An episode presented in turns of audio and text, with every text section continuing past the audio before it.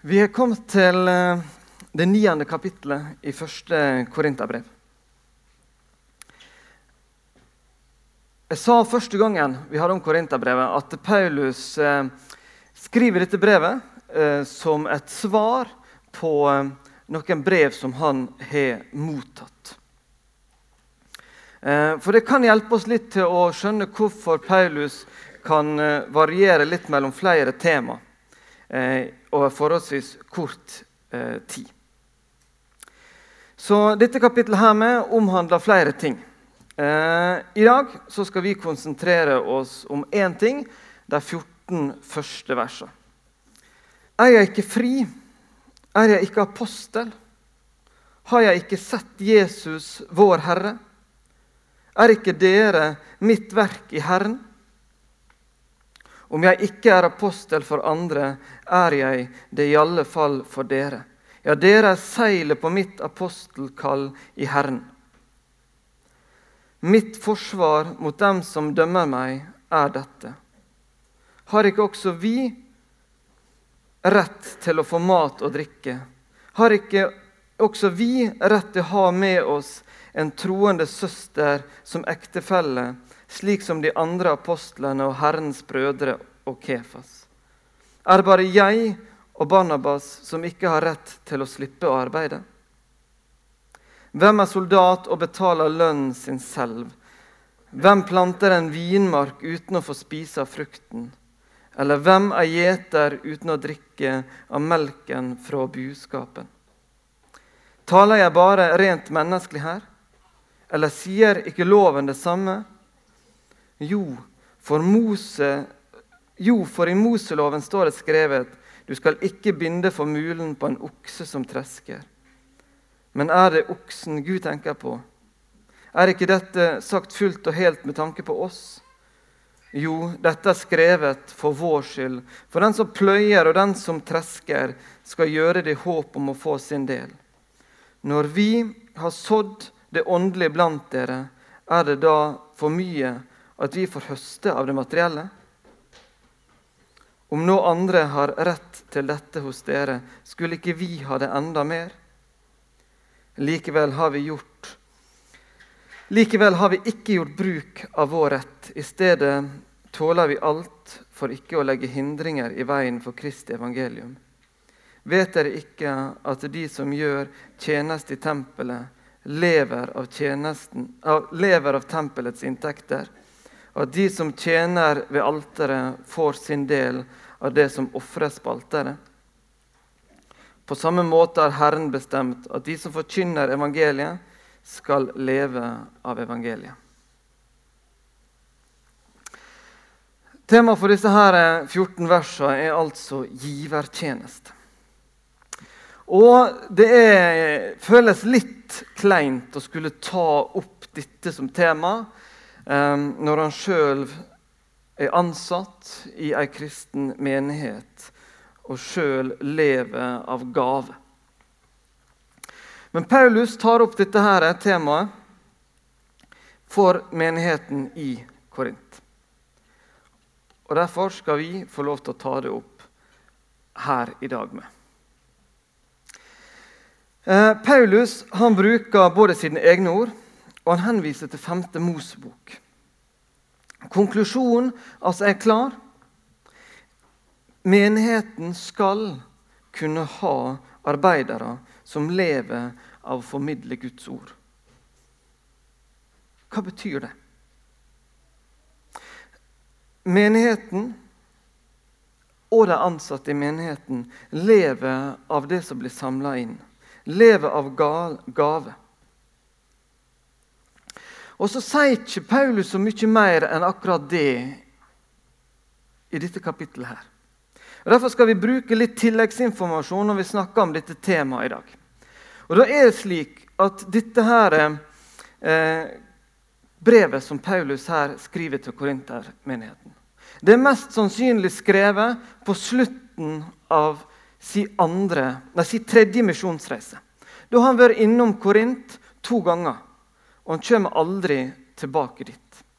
Men litt seinere på denne reisen så skriver han også mest sannsynlig dette her brevet tilbake til Korint.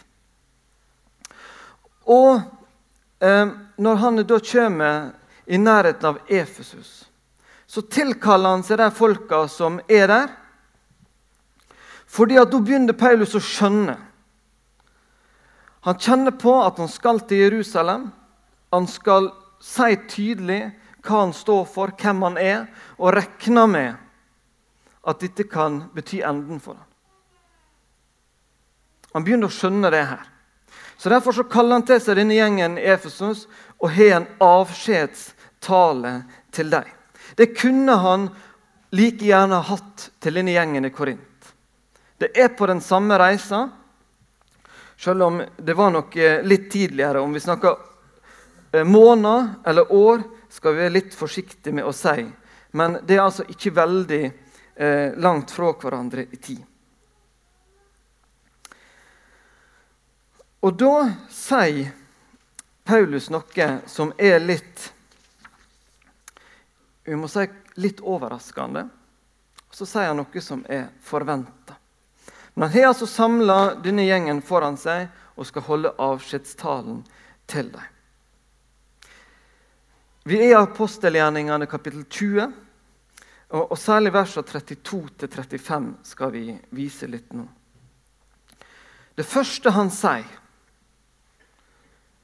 det er og nå overgir, deg, overgir jeg dere til Gud, til Gud og Hans nådeord, som kan bygge opp og gi dere arven sammen med alle dem som er blitt helliget. Vi kan tenke at det her det virker fornuftig å si.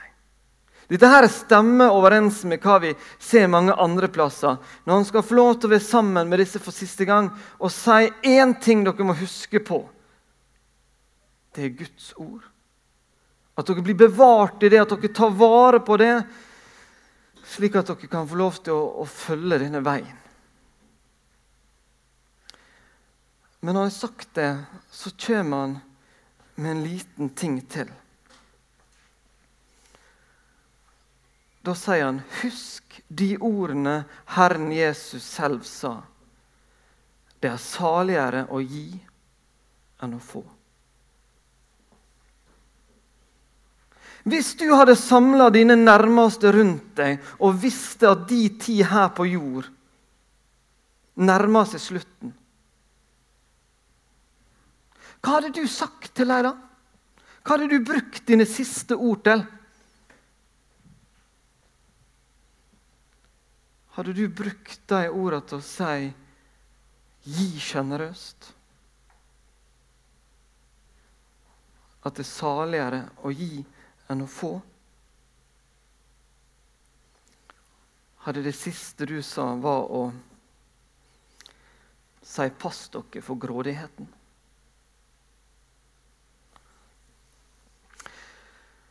Vi skal bruke litt, noen ord på å fortelle dette, eller si litt om dette ordet 'saligere'. Hva er det som ligger i ordet 'saligere'? For det her som Paulus sier til gjengen i Efesus, det er et sitat fra bergpreken. Vi var innom dette her ordet her når vi snakka om bergpreka i høst. Salig. Det er det som vi kan oppleve i et møte med, med Gud sjøl. Den dagen vi skal få lov til å, å stå i himmelen for Hans trone. Når vi ikke lenger kjemper med to naturer, når vi ikke har noe i oss som vil det vonde, da er vi salige. Når Adam og Eva var sammen med Gud i Edens hage før syndefallet Når de ikke visste om sykdom, når de ikke visste om psykiske utfordringer, når de ikke kjente på sjalusi Det var ingenting som var vondt. Det var salighet.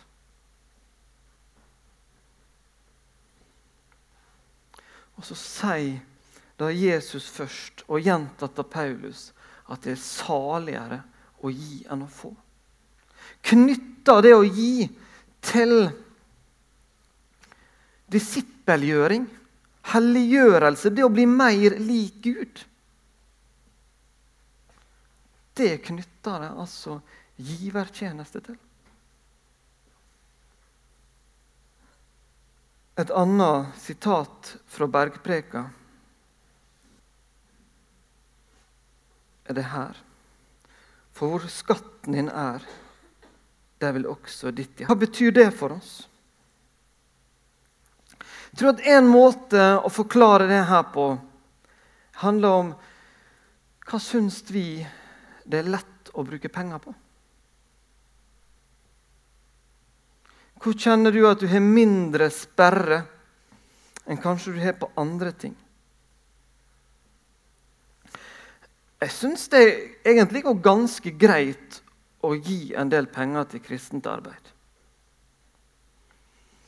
Men på et eller annet tidspunkt så, så kjenner jeg at det kommer noe motargument. At kanskje nå begynner dette å bli nok. Nå kanskje jeg må tenke litt på meg sjøl. Sånn, det kommer noen sånne motforestillinger. Og det gjør jeg på en del andre ting med. Eh, jeg tenker Når jeg kjøper, skal kjøpe mat, så tenker jeg at nå begynner kanskje dette å bli nok. Kjøpe klær Jeg tror ikke jeg bruker veldig mye penger på klær. Kanskje noen mener jeg burde brukt mer. Men da, da kjenner jeg sånn at dette her Nei, jeg liker ikke å bruke penger på det her. Men hvor er det sperrene mine er vekke?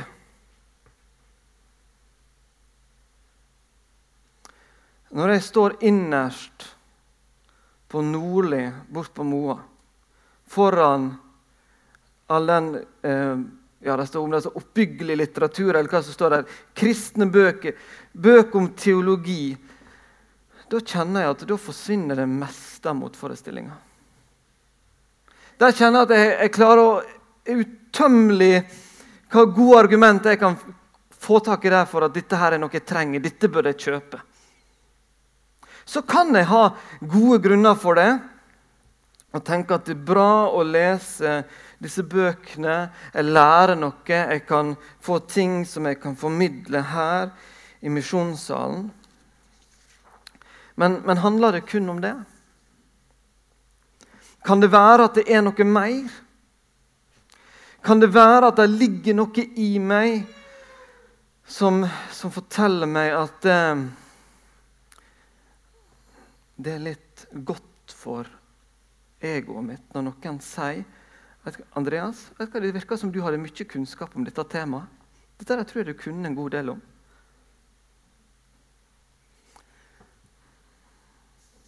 At det kan være noe at jeg kjenner på et behov for en ja, at noen En anerkjennelse. At jeg bruker noe av pengene mine for å søke anerkjennelse. Et annet område som jeg kjenner at det er lite sperre på å bruke penger på, det er joggesko. Det er blitt snakka et par ganger her om at jeg liker av og til å springe. Og jeg tror jeg har mange gode argument for å, for å komme meg ut og springe litt. Jeg tror det er en stor helsegevinst. Jeg kjenner at stress forsvinner. og og at jeg får liksom rensa litt opp i tankene mine. Men er det noe mer? Søker jeg også anerkjennelse ved at noen kommenterer at de hadde sett eller fått med seg at det var å sprenge et eller annet løp, og, og klarte å gjennomføre det? Ligger det noen skjulte skatter i hvor jeg bruker pengene mine.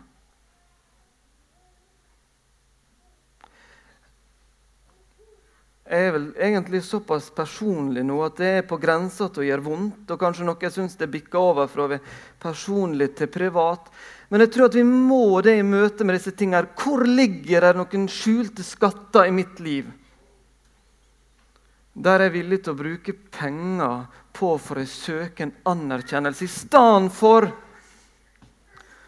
å søke anerkjennelse hos Gud og si at 'jeg er skapt av Gud'. I Guds bilde, og at det er det som gir meg verdi, det er det som forteller meg hvem jeg er. Så kan det være at jeg søker det i noe annet. At vi bytter ut det å søke Gud med å søke oss etter noe annet. Og Noen av disse skattene de kan drive oss ekstremt langt, og de driver oss gjerne mer og mer. Så jeg har lyst til at vi skal tenke gjennom hva er det som får oss til å føle oss ok. Bygger jeg min identitet på å kunne servere noe kunnskapsrike preike her i misjonssalen av og til? Bygger min identitet i å klare å springe 42 km fortere enn gjennomsnittet? Er det det som forteller meg hvem jeg er? Eller med deg? Er det positive kommentarer på ditt utseende som får deg til å føle deg ok? Eller er det kommentarer på på klærne dine? Er det sangstemma di? Er det det at folk kommer og sier til deg at 'du er så god til å utføre jobben din'? Du er kjent for å være den beste på ditt område. Er det det som forteller deg hvem du er? Er det det at du er en sånn type som folk ønsker å være sammen med? Folk flokker seg litt rundt. Bruker du penger for å holde på det her? For Hvis noen av disse tingene her er dine skatter, så vil vi komme til et punkt der dette her blir et større og større problem. For de krever mer og mer av oss. På et eller annet tidspunkt så vil dere bli lei av å høre på disse talene mine. Og En eller annen dag så vil ikke jeg være i stand til å springe en eneste kilometer. Hva skal da gi meg verdi? Hva skal da få meg til å føle meg ok? Og en dag så kommer ikke du til å få flere kommentarer om at du er så pen eller så kjekk. Og Du kommer ikke til å være den som er best på jobben din lenger. Du vil ikke være den som er best på gitar. Du vil ikke være den som har de flotteste klærne. Hvis dette her er dine skatter, det er det du søker, så kommer det til å komme et tidspunkt der du må begynne å ta noen snarveier for å holde på dette imaget. Der du må fortelle usannheter. Der du må bruke mer og mer penger for å holde det her på plass.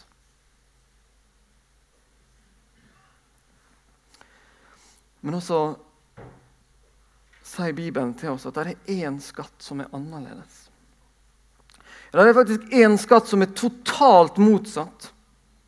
I motsetning til å være en skatt som krever mer og mer av oss, så er det en skatt som ikke krever noe som helst av oss.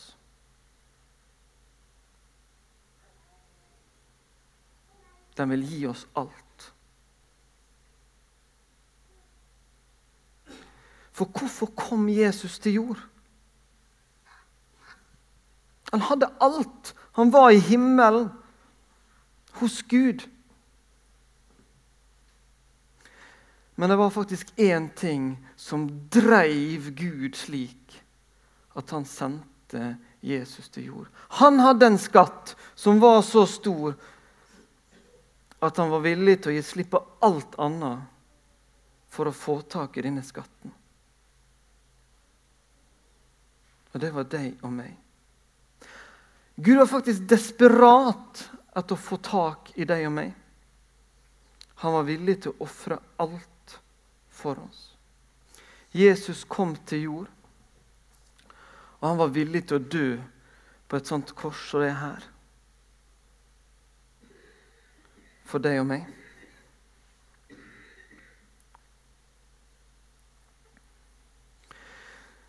Det å få se, det å få oppleve Guds desperate, grensesprengende behov for å få tak i deg og meg. Det er faktisk det eneste som kan smelte våre hjerter, slik at vi kan slippe tak i de skattene som vi har her på jorda, og som vil kreve mer og mer av oss. Det er derfor det heter frelse. Fri hals. Komme oss fri. For når Jesus blir den store skatten og lengselen i våre liv, det er da vi kan bli satt fri for disse kravene som vi vil oppleve sterkere og sterkere. Og det er dette, og kun det, som kan gi oss et hjerte som virkelig ønsker å gi sjenerøst. Som, som, gir oss et hjerte som ønsker å gi på en slik måte at det faktisk kan redde vår verden.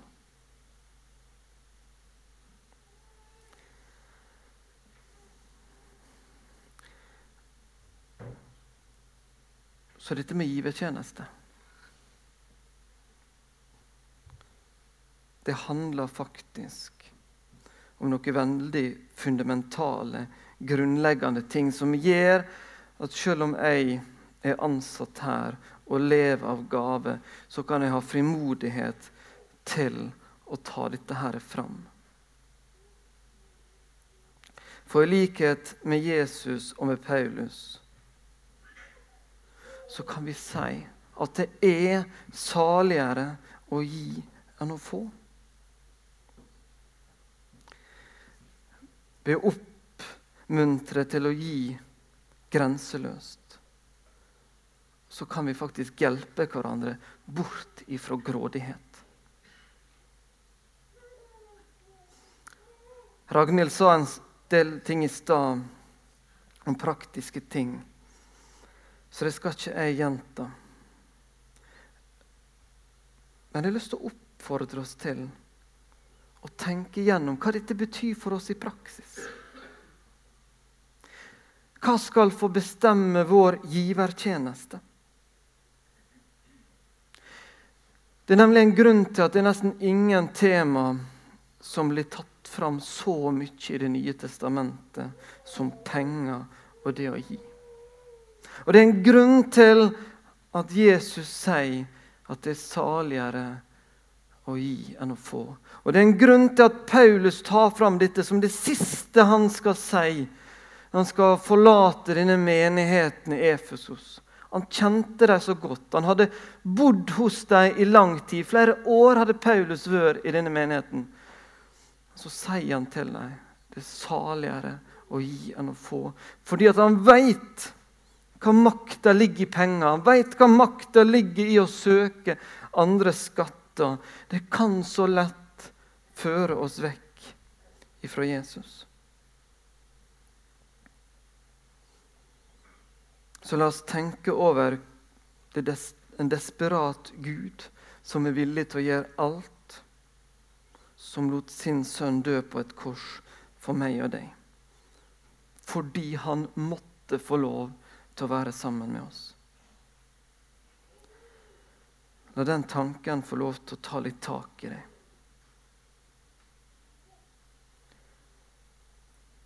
Det å få møte Gud der, det kan bli starten på noe veldig stort. Amen.